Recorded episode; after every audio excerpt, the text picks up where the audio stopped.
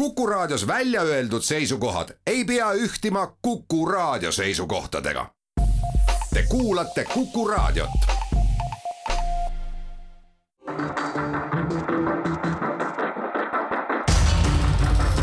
muuli ja Aavik.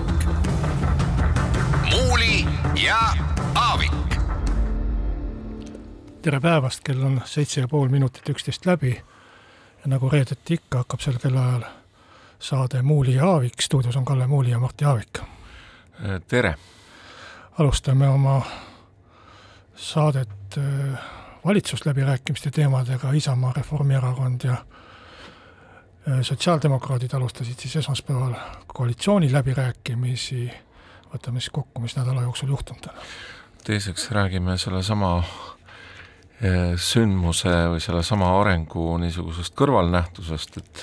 Liina Kersnale püüdis eile avaldada umbusaldust Riigikogus. Liina Kersna on haridusminister ja on seda jätkuvalt. kolmandaks räägime, noh, võiks vist ütelda, et majandusteemad on saates juba nagu Ukraina või, või kunagi varem koroonakriis, et peaaegu et igas saates meil Äh, elu kisub nii hulluks äh, lõppevast nädalast, siis kindlasti väärib äramärkimist Eesti Panga äh, majandusprognoosi täpsustus või uuendus, kuidas seda peaks täpselt nimetama, uueks prognoosiks on võib-olla palju nimetada. Euroopa Keskpanga nõukogu erakorraline kogunemine, et, et Lõuna-Eesti, Lõuna-Eesti, Lõuna-Euroopa rahakriisi leevendada ja, ja palju muid asju, väga ränk gaasitõus Euroopas, intressimäärade tõusud ja muud sellised asjad. ja neljandaks räägime Ukrainast, on kogunenud viiekümne riigi kaitseministrid, et arutades, kes täpselt millist abi Ukrainale annab ja ja lisaks käisid ka kolme Euroopa suure liikmesriigi, Prantsusmaa, Saksamaa ja Itaalia juhid Kiievis muuli ja Aavik. aga alustame siis valitsusläbirääkimistest, no edevus on nii suur, et ega ei, ei saa jätta mainimata, et nii nagu eelmises saates ennustasime, nii ka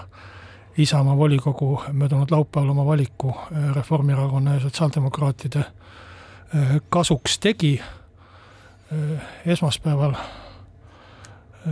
algasid valitsusläbirääkimised, aga, aga jutud sellest, et ikkagi on olemas mingi vandenõu ja mingi kahtlus, et äh, küll tahetakse teha lõpuks ikkagi Keskerakonna ja EKRE-ga äh, valitsust, ei ole, ei ole täielikult veel vaibunud, ehkki minu meelest äh, on üsna tobe selliseid jutte levitada, sest noh, kui, kui tahetaks teha, siis tehtaks ja, ja ei, ei ole vaja siia ju komejanti peale teha. et aga, aga küll pean ma selliselt täiesti murelikult ja, ja tõsiselt ütlema, et minu meelest need läbirääkimised on nädal aega kestnud ja, ja kestnud erakordselt loiult. ja, ja ma arvan, et, et see ei ole mitte, mitte sugugi mõne väiksema koalitsioonipartneri süü, vaid see, et nad, neid on korraldatud kuidagi täiesti arusaamatul viisil mulle ja, ja arusaamatus väikses mahus paar tundi päevas peetakse valitsusläbirääkimisi, mis asi see on? et tänaseks näiteks, ma ei tea, kui palju nüüd tegelikult täna peetakse neid läbirääkimisi, aga tänaseks oli planeeritud kaks tundi läbirääkimisi. nädalavahetuseks, eile oli planeeritud null tundi, kaks päeva võiks tööd teha. ja esmaspäevaks äh, on planeeritud äh, minu mälu järgi kaks ja pool tundi läbirääkimisi, no mis sa selle ajaga jõuad, see on ju lõuna, lõunal käimine äh, istud maha ja, ja kuulad ära, mis ütelda on ja lähme jälle laiali. No kõrvaltvaatajana, kes ma kindlasti hoian pöialt, et see selline no põhimõtteliselt vana kolmikliit, niisugune Laari ja Ansipi aegne, eh, saaks kokku, on eh, kurb vaadata seda, et ükski eh, niisugune konfliktne teema ei ole veel vähemalt välja kuulutatud, et oleks mingisugune lahendus või ühismeel nendes asjades ja ma arvan, et see ka ju suurendab seda kõik need tunnid, kus neid kokkuleppeid ei ole, suurendavad sedasama eh, spekulatsioonide hulka, et äkki nad ikka tahavad Isamaa näiteks minna Keskerakonnaga ja EKRE-ga tegema seda no, asja. ma ütlen nüüd tööd. kerge irooniaga ja, ja, ja, ja ole... ei taha tõsiselt võtta, aga kui see nii jätkub, siis lõpuks tekibki nendel erakondadel tahtmine kellegi teisega nagu teha, kui, kui kui seda läbirääkimist ei, ei korraldata tõsiselt, ma arvan, et selliseid läbirääkimisi, eriti kui on enne öeldud välja, et me tahame jaanipäevaks valmis saada, noh, sel-, selge see, et jaanipäevaks ei saa, et ja kui väga hea on, kui jõutakse juunikuu jooksul sellise tempoga no,. täna on reede, jaanipäev on ju lõpuks järgmisel nädalal. aga, aga noh, sel juhul ju paneks no üks kümme-kaksteist tundi päevas võiks ikka ju läbi rääkida, kui on tõsised läbirääkimised ja tahtmised. ma saan aru, et peaministril on muud tööd ka ja eriti on tal nüüd järgmisel nädalal neid muid töid äh, tulemas äh, Euroopas ja Eestist äraolekuga, aga aga ega siis peaminister ei pea igal pool ninapidi juures olema, et saab ju läbirääkimisdelegatsiooni, saab inimesi äh, korraldada ja, ja, ja, ja kõik tõsiselt tööle panna. teine asi, mis mind selle läbirääkimiste juures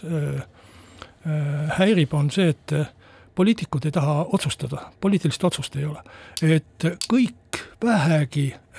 teemad, kus ei ole juba laua taha istudes täielikku üksmeelt, kõik need teemad juhatatakse, et paneme kokku ekspertide rühma, kaasame asjatundjad, ma ei tea, mis asjad, ega Exceli tabel ei langeta otsust, et äh, sealt ekspertidelt sa saad loomulikult needsamad rahanumbrid, mida, mida kuskile on võimalik juba arvutisse sisse, sisestada, aga sa pead ikka otsustama lõpuks tuleb ikka otsustada ja see, see, et sul Exceli tabel on ees, ei aita sul otsustada. sa pead ütlema, et kas sa tahad seda teha või ei taha ja siis leitakse ka raha Eh, sellest Exceli tabelist. Eh, üks, ükskõik mis võtetega siis, ma ei tea, eh, kärpimistega, laenudega, maksudega, mis iganes need on. et, et see on ka mulle täiesti arusaamatu, et põrgatatakse isegi leh-, lihtsaid teemasid kuskile mittepoliitilistesse kohtadesse. Et mis me ütleme selle peale, ütleme, et hoogu juurde? noh, kui me vaatame läbirääkimiste algust, siis lauale on võetud täiesti õigesti kõige sellised vähem konflikte tekitavad teemad või üksmeele teemad. alustati haridusest, eestikeelsest haridusest, aga isegi selle eestikeelse haridusega ei ole praeguseks jõutud nädala ajaga kokkuleppeni, mingit tulemust ei ole. mille, millele võiks joone alla tõmmata ja ütelda, et nüüd nii on. ja, ja nii läheb ta koalitsioonileppesse et äh, minu, minu soov oleks küll ja soovitus, et äh, hakake ikka ometi tõsiselt tööle et.... mainisid eestikeelset haridust, et äh, vot see on üks suur põhjus, miks ma väga seda uut koalitsiooni ootan, et kui nüüd mõelda, et meil on mingisugune järgmine eesmärk eestikeelseks hariduseks igal pool aasta kaks tuhat kolmkümmend viis,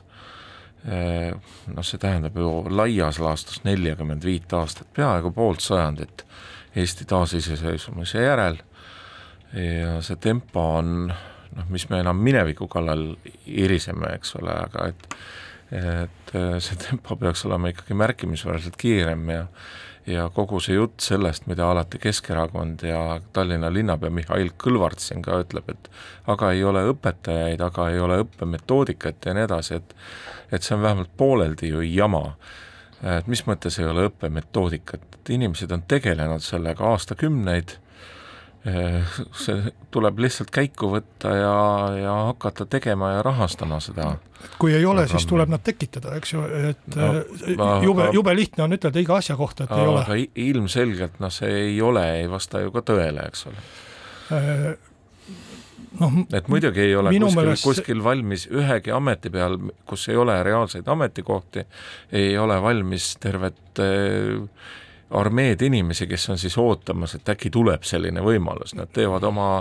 muid töid, aga ka eesti keel võõrkeelena,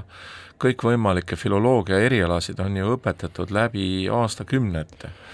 minu meelest on praegu küll haruldane hetk, ma ei ütle, et nüüd ainus hetk ajaloos või, või parim hetk ajaloos, et küllap enne on ka selliseid häid võimalusi olnud mis on siis maha magatud või kuidagi muud moodi lörri lastud, aga, aga praegu on, ütleme sellele eestikeelsele haridusele üleminekul ja tempokal üleminekul väga soodus hetk igas mõttes. moodustuva valitsuskoalitsiooni mõttes, kogu selle Ukraina ja, ja Vene hoiaku tausta mõttes ja ka venekeelsete lastevanemate valmisoleku mõttes, juba mitu aastat kõik uuringud näitavad, et tegelikult venekeelsed lapsevanemad soovivad enda last, lastele valdavalt äh, saada head eesti keelt ja eestikeelset haridust, nad on saanud aru aja, aja jooksul, et see on kasulik, et ei ole mõistlik äh, kuidagi vastu punnida ja, ja lapse sellist äh, tulevikku ahendada kehva keeleoskusega. et see kõik on hetkel olemas ja, ja, ja põhimõtteliselt peaks kokku leppima, veidi raha leidma ja, ja asja ära tegema. aga kui me niiviisi venitame, siis sellel on väga palju halbu asju, isegi siis, kui lõpuks see valitsus kokku saadakse kuskil juuli keskpaigaks või augusti alguseks. mis juhtub, üks asi on see, et avalikkuse silmis selle valitsuse maine hakkab langema. tuldi suure ootusega, nüüd teeme ära ja siis venib ja venib nagu härjaila. Teine asi, Riigikogu läheb suvepuhkusele, nüüd peavad hakkama Riigikogu liikmed istuma ja ootama, selle asemel, et noh, ma ei tea, Kreekas ja, ja, ja kus need soojad maad on, kus, kus valijatega kohtutakse, selle asemel, et, et oma suve veeta nii-öelda, selle asemel nad ootavad, millal valitsus valmis saab, et siis kokku tulla ja kinnitada, et rahulolematus tekib ka erakondade sees, tahan ma ütelda, kui sellises tempos neid läbirääkimisi jätkatakse. Et äh, olge kenad, naised ja mehed, ja võtke ennast kokku seal ja tehke see valitsus ära, on minu palve ja soovitus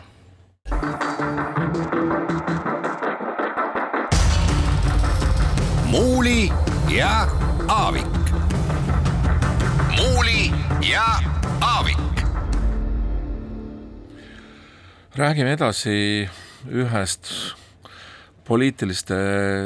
trikkide kõrvalloost ja see on siis eh, umbusalduse avaldamine haridus- ja teadusminister Liina Kersnale, millega Keskerakond ja EKRE tegelesid. Iseenesest eh, on küll ju juba eelmisest sügisest praktiliselt kohe, kui neid koolide testihanked eh, tehti eh, suure kiiruga, on kõik need vaidlused üleval olnud ja oleks saanud ka umbusaldust ja mida iganes avaldada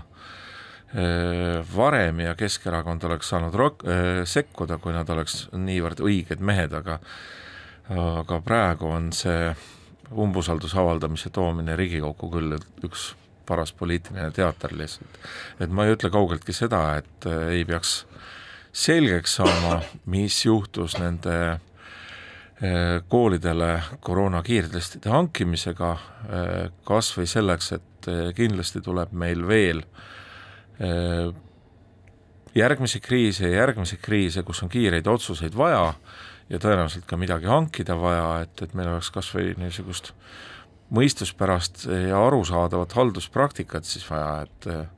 mida saab teha, mida mitte, eks no,. aga no. Praegusel hetkel seda poliitikasse tuua on noh, pigem niisugune kättemaksu maiguga, et, et kust saab torkida ja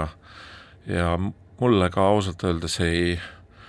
ei jätnud head muljet see Isamaa inimeste kõrvalt õpetamine, et Liina Kersna peaks taga, tagasi astuma, võib-olla peakski,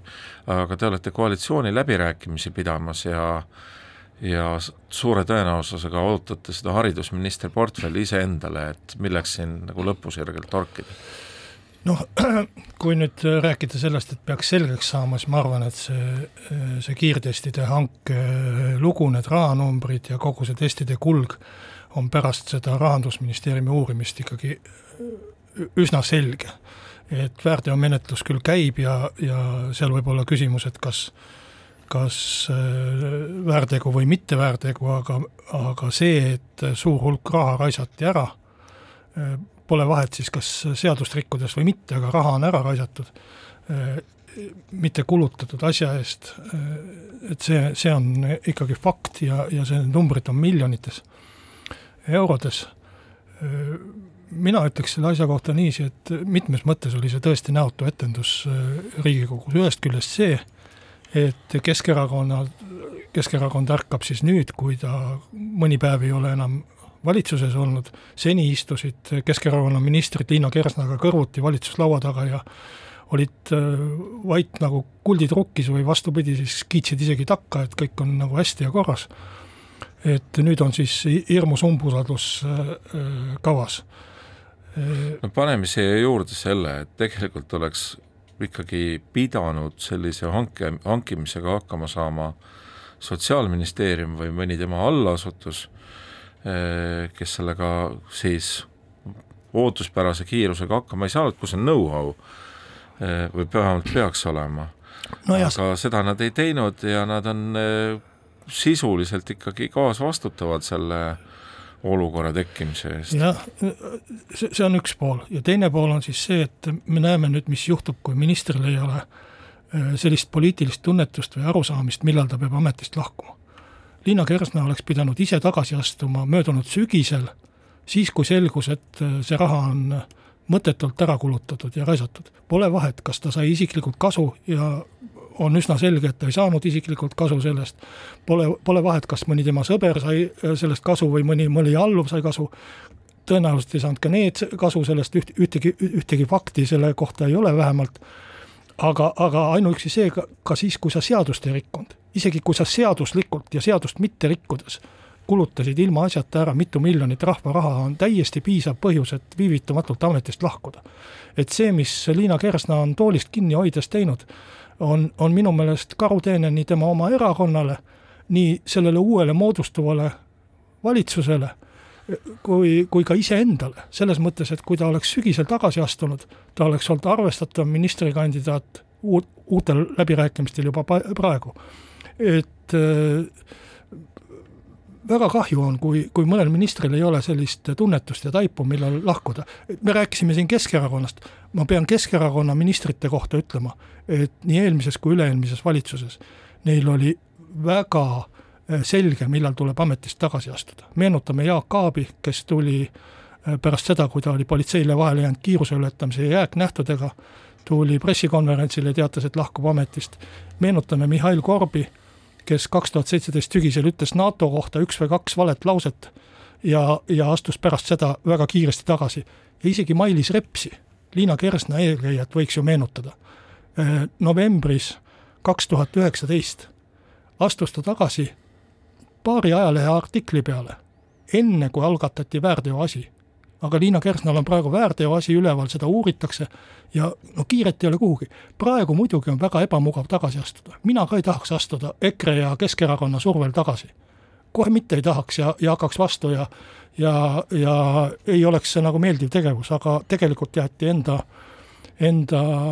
õige otsus õigel ajal tegemata ja, ja minister oleks kindlasti pidanud lahkuma selle pärast. mul on pigem selline tunne jah, sa tõid siin paar näidet sellest Keskerakonnast, et mul on pigem selline tunne, et eh, see tagasiastumise kultuur ja poliitilise vastutuse võtmise kultuur on kuidagi meil natukene alla käinud võrreldes ma ei tea, üheksakümnendate ja üle-eelmise kümnendiga, et et see on, väga raskelt läheb nendel karjääripoliitikutel. nii ja naa on sellega, et mõnes olukorras ja mõnele, mõnes erakonnas on see, on see kergem ja mõnes, mõnes mitte, et et eh, eks me mäletame EKRE ministrite tagasiastumisi ka, seal oli, eh, nad küll astusid tagasi, aga seal olid need heitlused olid enne palju, palju vingemad ja palju, palju raskemad ja, ja, ja tõsiseid uurimisi, noh, põllumajandusminister ja nii edasi. et, et ma ei ütleks nii, et tervikuna on see tagasiastumiskultuur halb, et see sõlt-, sõltub äh, natukene erakonnast ja natukene inimesest, et et ma ei tea, miks, miks Liina Kersna ei suutnud seda otsust langetada ja, ja raiub siiamaani, et ta tegi noh, seda õilsa eesmärgi nimel ja keegi selles eesmärgis ei kahtle, aga raha on kadunud. teeme siinkohal ühe reklaamipausi.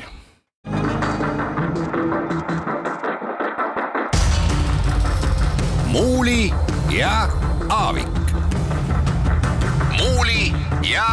Aavik. jätkame saadet äh, stuudios Mart Jaavik ja Kalle Muuli. Äh, räägime majanduse ja rahanduse olukorrast. Äh, uudiseid selles vallas olulisi nii Eestist kui, kui Euroopa Keskpangast. Eesti Pank siis avaldas oma täpsustava või täiendava või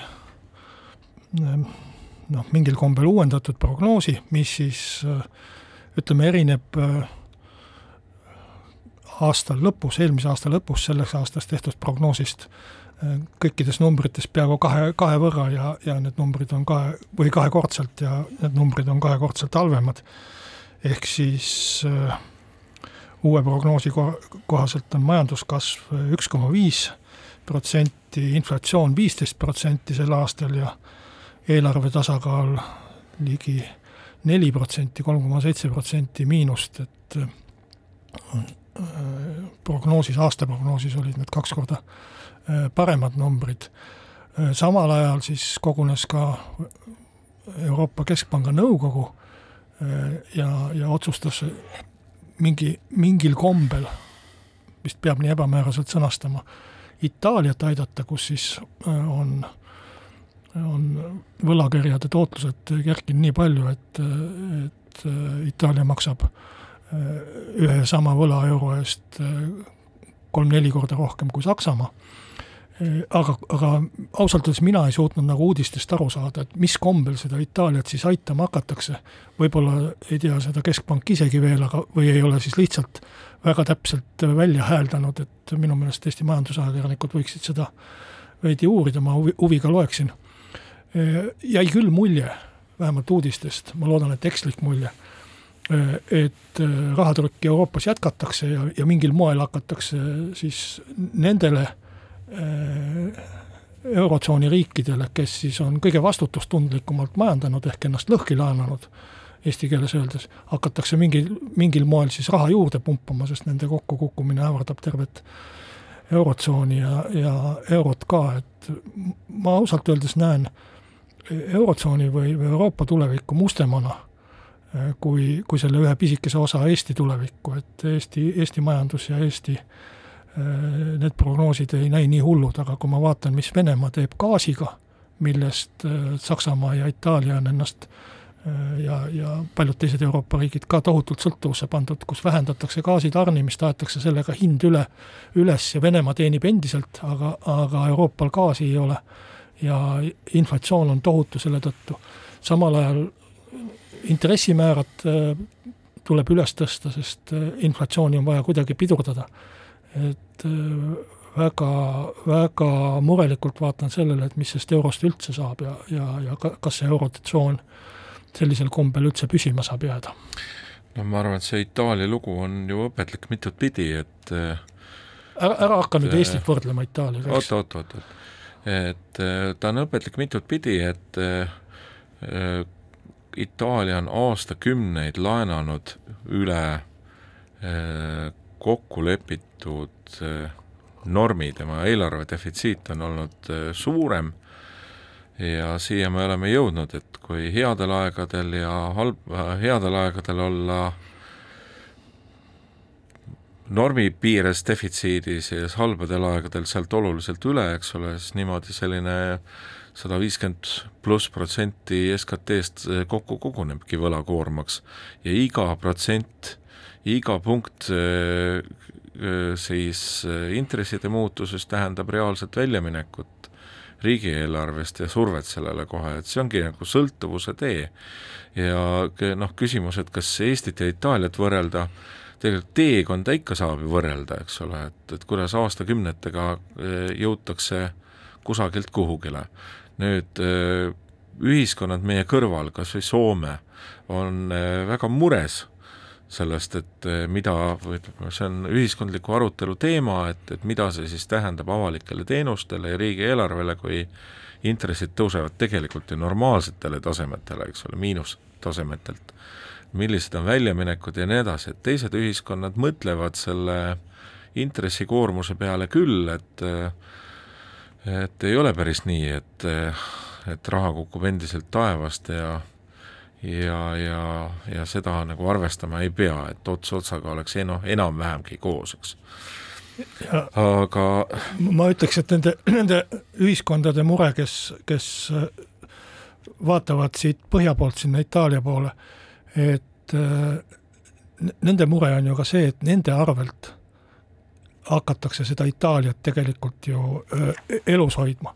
et sa võid ennast lõhki laenata ja, ja siis tulevad need appi, kes ei ole ennast lõhki laenanud. et miks ma ei taha seda Eestiga võrdlust, et see, see on nagu öö ja päev, see on nii kauge ja, ja hakata rääkima, et me võime ka kunagi sinna jõuda, no see ei ole realistlik, ma ei tea, lähema mitmekümne aasta jooksul. sel ajal, kui sa siin rääkisid, ma peast ja kümne näpu peal arvutasin, kui Eesti majandus kasvaks kolm protsenti iga aasta, mis ei ole väga suur kasv, eks ju, arvestades meie varasemat või meie hiljutist mm. minevikku, e-, et siis me võiksime ma vabandan nüüd, kui valesti arvutasin, sest tõesti see on näppude peal arvutatud, igal aastal laenata kakssada miljonit eurot, mis ei ole väga suur raha, aga siiski arvestatav raha, see on peaaegu et see lastetoetuse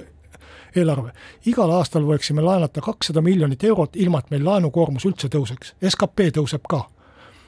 ja, ja kui me, kui me laenaksime kaks miljardit kümneks aastaks näiteks ja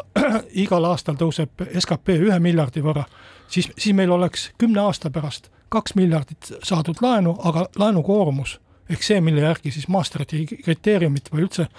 laenusuhet mõist-, mõõdetakse mm, -hmm. oleks täpselt samasugune kakskümmend protsenti nagu praegu. Eesti valmis tegemise loogika, eks ole, aga aga murelikult tuleb vaadata jah, sinnapoole, et et kõik, see ei ole ju üllatus, et kriisistsenaariumide korral tulevad kõik riskid välja ja ongi kahte asja justkui korraga vaja, eks ole, inflatsiooni tahaks alandada, aga siis on nokk kinni, saba lahti olukord, sellepärast et Itaalia ei ole ju üksi. ka Prantsusmaa on üle sajaprotsendilise võlakoormusega, Kreeka oleme peaaegu ära unustanud, kus kui ma õigesti mäletan sealt tabelitest, on pea kakssada protsenti SKT-st, eks ole, avaliku sektori võlakoormus mina et eh, tõepoolest on juttu terve, tervest Lõuna-Euroopast, mitte ainult Itaaliast. kui, kui me oleksime, Eesti oleks üksik saar, siis mina nende intressimäärade tõusu pärast küll vähimatki ei muretseks, ma vastupidi ütleks, et tõstke nii kiiresti, kui saate. et eh, nii Eesti riigi kui ka Eesti kodulaenuvõtjate seisukohalt ei ole mitte see intressimäär kõige hullem asi. Inflatsioon on palju hullem asi, inflatsioon tapab majanduse ja tööstuse ära ja kui me mõtleme oma eelmisele majanduskriisile, siis äh, kodud ja, ja elamised ei läinud oksjonile ja ei võetud inimeste käest ära mitte sellepärast, et intressimäärad oleksid kõrged olnud, nad olid ka kõrged, aga mitte intressimäärade pärast, vaid sellepärast, et inimesed jäid töötud, töötuks. Neil ei olnud enam sissetulekut üldse. sa vaatasid seda Eesti Panga prognoosi, mis ei ole muidugi tõde suure algustähega. see on sama palju tõde kui poole aasta tagune prognoos. aga Eesti Pank on tõstnud ka palgatõusu eh, ennustust ja tegelikult jätnud peaaegu samale tasemele töötuse määra ennustuse, et kui see peaks realiseeruma sellisel viisil ja nende mudelid noh, selles, selle aasta keskkonnas ka töötavad, siis siis võib-olla nagu päris katastroofi siiski ei ole. mina ei ole näinud veel ühtegi Eesti Panga prognoosi viimasest kahest või kolmest aastast, mis oleks, oleks ligilähedaseltki paika jäänud, nii et ma väga optimistlik selles mõttes ei ole, prognoose tegema peab, see on õige, aga aga ei maksa arvata, et need nüüd täppi lähevad ja, ja mingit kindlust ka, ka selles suhtes ei ole. et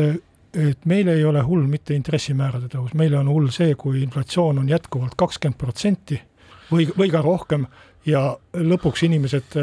ettevõtted lähevad pankrotti, inimesed kaotavad töö, sellepärast et ettevõtted kaotavad konkurentsivõime oma sellise no jätkuvalt ta ilmselt ei ole seda, et et ega siis ka see toorainete hinnatõus ja energiakandjate hinnatõus ei saa olla eh, lõputu, kas või sellepärast, et inimestel saab raha otsa lihtsalt, eh, või teistpidi, kui hind on kõrge, siis see ikkagi ju lõpuks peab motiveerima tootjaid midagi rohkem tegema, jah, sinu mainitud torugaas on see, mis nõuab investeeringuid taristusse ja on veel mitmeid selliseid asju, aga aga me, nagu maailma lõppu ennustada siin võib-olla ei ole päris õige. Ja mis mind häirib nagu poliitiliste sõnavõtjate juures, on see, et jah, tõsi, seda tulevat sügist ja talve tuleb tõsiselt võtta, selleks valmistuda, aga mul on jäänud selline mulje, et osad nagu ootavad seda, et mida halvem, seda parem, et, et saaks järgmise aasta märtsis äh, valimistel purjetada selle peale, et on hirmus halb. eks poliitilisi jõude kindlasti ei ole, kellele tuleb kasuks see, kui olukord riigis on kehv ja ja need on siis need jõud, kes ei ole parajasti valitsuses.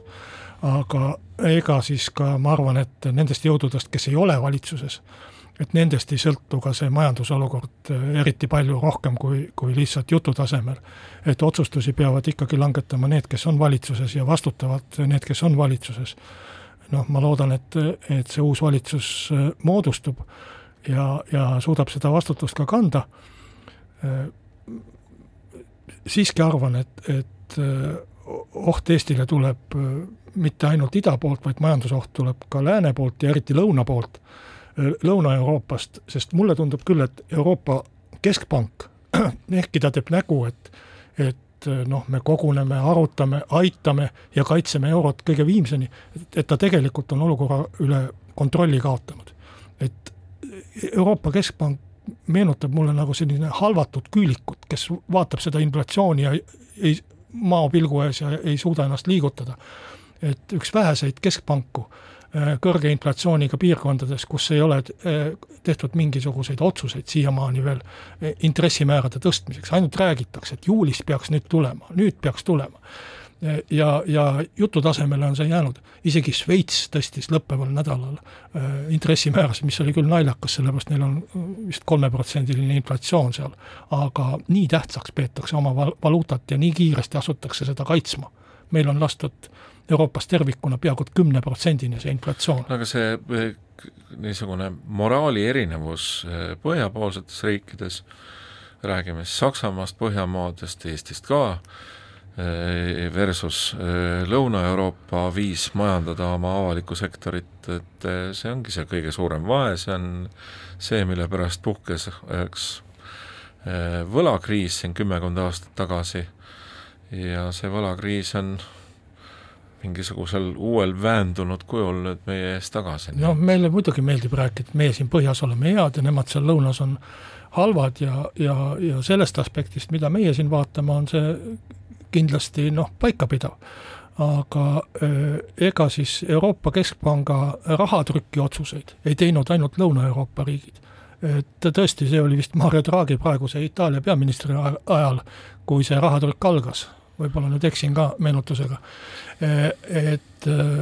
aga, aga see on siiski Euroopa Keskpanga otsused, Keskpanga nõukogu otsused olnud, et see ei, see ei ole ainult, ainult lõuna. itaallaste loogika ja see lobisurve on ju see, et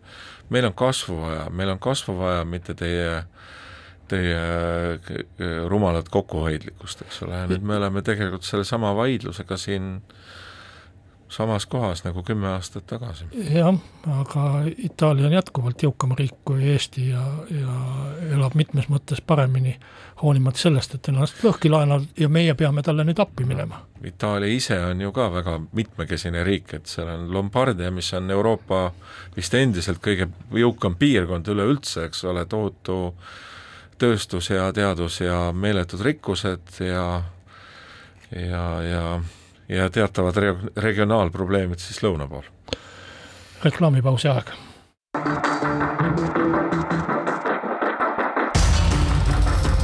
muuli ja Aavik. muuli ja Aavik. räägime edasi Ukrainast, olukord rindel, nii palju kui aru saame kirjeldustest, on selline patiseisu lähedane, kord eh, tungivad venelased kuskil peale, eh, kord saavad ukrainlased väikseid võite, aga mitte kindlasti selline, mis eh, oleks, täidaks meie südamed kõik rõõmuga, kuidas Ukraina lööb tagasi kiirelt venelased Venemaa piiridesse. et seda ei ole juhtunud ja nüüd eile käisid siis kolme Euroopa suure riigi, Prantsusmaa Saks-, äh, president, Itaalia ja Saksamaa peaminister külas Kiievis, külastasid ka kohti, kus äh, venelased on oma pommidel lasknud lennata tsiviilelanikkonna pihta ja nende majade pihta ja nii edasi. ja selle käsitlus on nagu kahetine, ma vaatan, et et osades äh, käsitlustes öeldakse, et see on suur solidaarsusavaldus ja ja tõstetakse esile seda, kuidas kõik kolm kinnitasid, et eh, tahetakse anda Ukrainale Euroopa Liidu kandidaatriigi staatus, eh, mis ju te-, olemuselt tähendab läbirääkimiste ja protsessi algust, selle teel on ka veel mõned riigid takistuseks. Eh, ja teised on juba ette siis tootnud igasuguseid meeme ja asju, kuidas kuidas needsamad riigid ikkagi ei aita piisavalt sõjaliselt eh, ja tulevad ja hakkavad rääkima Ukrainale, et need peaksid eh, sõlmima Venemaaga mingisuguse Ukrainale ebasoodsa rahu, mis siis aga neil samadel Itaalial, Saksamaal ja Prantsusmaal võimaldaks ajada venelastega äri edasi business as usual viisil, umbes nii on see kahe uudiskäsitluse või, või kahe käsitluse kokkuvõte? Minu meelest võiks, võiks need käsitlused kokku liita ja kahega jagada ja ma arvan, et, et mõlemad käsitlused on mingis mõttes üsna tõelähedased või, või tõepärased, et ega ma ei usu nüüd, et Saksamaa, Prantsusmaa või Itaalia huvi Venemaaga äri ajada kuidagi on ära kadunud, kindlasti on see rohkem vaiba alla läinud ja, ja, ja ooteseisundis või selline. Ja teisest küljest kindlasti oma riikide avalikkuse survel on ka väga, väga suur huvi äh, Ukrainat toetada, et selge see, et need inimesed ei ole mingid, äh, ma mõtlen nüüd äh, kolme riigijuhti, kes käisid no tegelikult nelja, Rumeenia ka käis, käisid Kiievis nüüd, et nad oleksid mingisugused Venemaa sõja toetajad või, või, või mingisugused tohutud rahuvaenlased, kes teevad salasepitsusi, aga, aga kui sa vaatad pragmaatilisi huvisid, siis ma arvan, et et äh, nii on. ja samas, ega neid ei saa ka ju nimetada mingiteks kõige suuremateks Ukraina toetajateks või kõige suuremateks Ukraina sõpradeks, et kui sa võrdled noh, Suurbritanniat võib-olla võiks ju võrrelda äh, riigi suuruse ja, ja, ja majanduse poolest seal Prantsusmaa või Saksamaaga ligilähedaselt et siis Suurbritannia innukus ja, ja abi hulk, sõjalise abi hulk on olnud ju märgatavalt äh, su-, suurem, kiirem, mis iganes. Boris Johnson käis seal Kiievis juba ammu, kui me võrdleme kas või äh, äh, riigipeade või riigijuhtide visiite ja, ja, ja selles mõttes noh, võib ju nimetada ka Prantsusmaad, Saksamaad ja Itaaliat eh, suurimateks Venemaa sõjamasina to-, toetajateks, ükskõik mis otsast võid vaadata ja igast otsast on see asi õige. aga ma arvan, et see sõnum, et toetatakse Ukraina kiiret liitumist Euroopa Liiduga või vähemalt seda ütlesin ma nüüd vist liiast, aga kandidaatriigi staatuse andmist, sest et, et äh, tundub, et, et seda liitumist nii väga ei, ei, ei toetata sellise kiiruga, aga, aga liikmesriigi kandidaat, kandidaatriigi staatuse andmist toetatakse, et see on väga hea märk ja väga hea sõnum. isegi kui seal tõesti mõni, mõni väiksem riik hakkab mingisuguseid oma tingimusi esitama, ma arvan, et see lahendus siis sellise raha ja sellise suuruse juurest ikkagi leitakse, et Ukraina saab selle staatuse. küsimus on nüüd, mis saab Moldovast, mis ilmselt äh, oli ka Rumeenia äh, presidendi Kiievis käigu mõte ja, ja kohtumise mõte nende kolme riigi juhiga, et Moldova jääks siis sinna Euroopa Liidu riikide ja Ukraina kui kandidaatriigi vahele, et ilmselt peab Moldovale ka mingi lahenduse leidma, aga Moldova olukord on noh, peaaegu et sama keeruline kui Ukraina olukord kus äh, osa territooriumist on, ma isegi ei oska ütelda, mis staatuses. nüüd mõni sõna võib-olla ka sellest, et äh, et no jällegi me võime mitmest otsast seda vaadata, et äh, et see abi ei ole ilmselt piisavalt kiire, ei ole kõike lahinguväljal nii palju, kui peaks olema, lõpuks need HIMARSid, millest, mida ameeriklased saadavad, võiksid seal ju ka juba, juba kohal olla, eks ole, ja teha oma täppisrelvadega tööd, võtta maha neid äh, äh, venelaste juhtimispunkte ja, ja, ja, ja kahureid ja raketisüsteeme ja kõike, kõike, kõike, aga vähemalt on need asjad liikumas ja minu meelest on ka tähelepanuväärne siiski see, et äh, iga kord see Lloyd Austini või tegelikult USA kaitseministri USA eestveetav formaat, kus Ukraina doonorid siis tulevad kokku ja arutavad, mida täpselt neile saata, mida ukrainlased küsivad, mida keegi saab anda, et see läheb edasi ja ja et USA on võtnud nagu selle vaba maailma liidri rolli ikkagi selgelt, et see on ikka hea, hea märk ja hea asi ja, ja ma arvan, et arvan, et äh, ainult niisuguse lääne äh, süüdistamisega meie siin tegelikult teeme mõnes mõttes äh, liiga ja iseendale ka karu, ka karuteene, et, et abi ju läheb, et teda peaks minema rohkem, see on ka jälle nagu selle asja teine ja, ots no,. kui sa kasutad mõistet lääs, siis see on ju väga erinev, et sinna alla sa paigutad ka USA, noh, mida võib kindlasti lääneks nimetada, sinna alla sa paigutad Suurbritannia ja siis paigutad Euroopa Liidu, mis omaette on juba, juba mitu väikest erinevat maailma, et kui me vaatame neid kas või riigipeade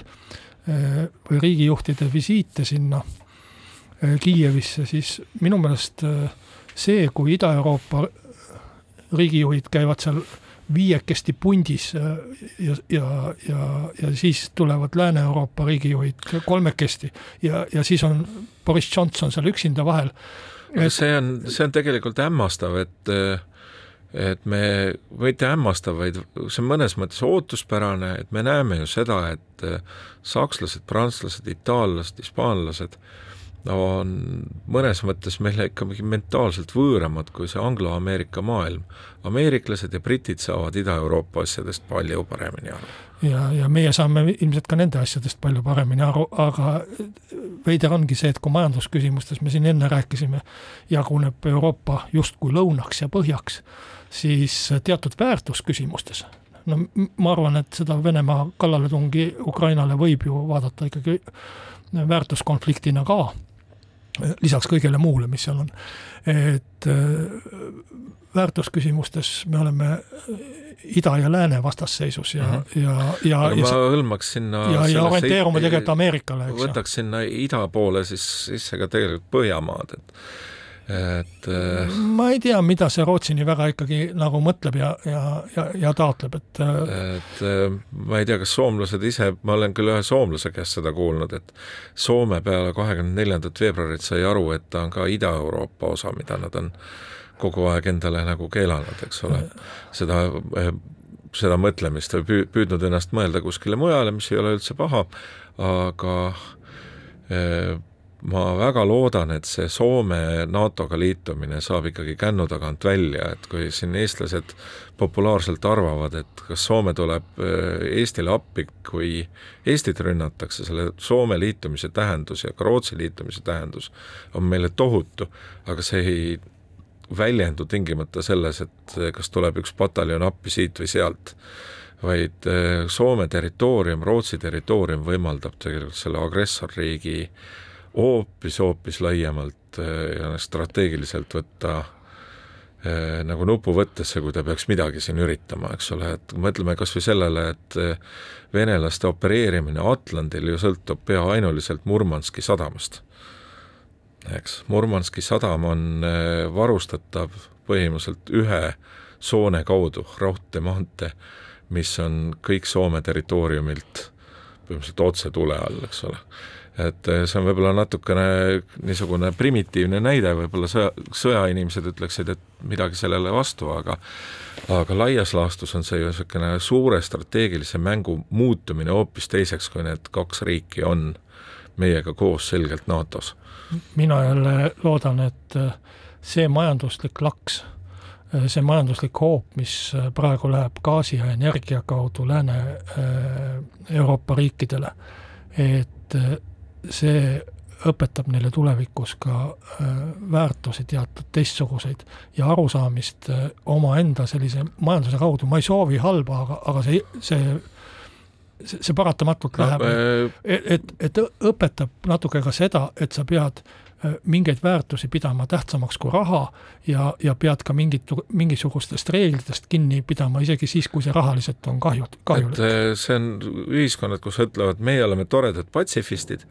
teie patsifismi äh, najal osaliselt inimesed surevad Ukrainas suurtes hulkades iga päev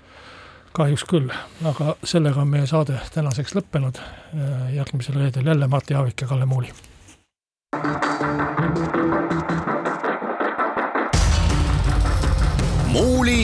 ja Aavik. muuli ja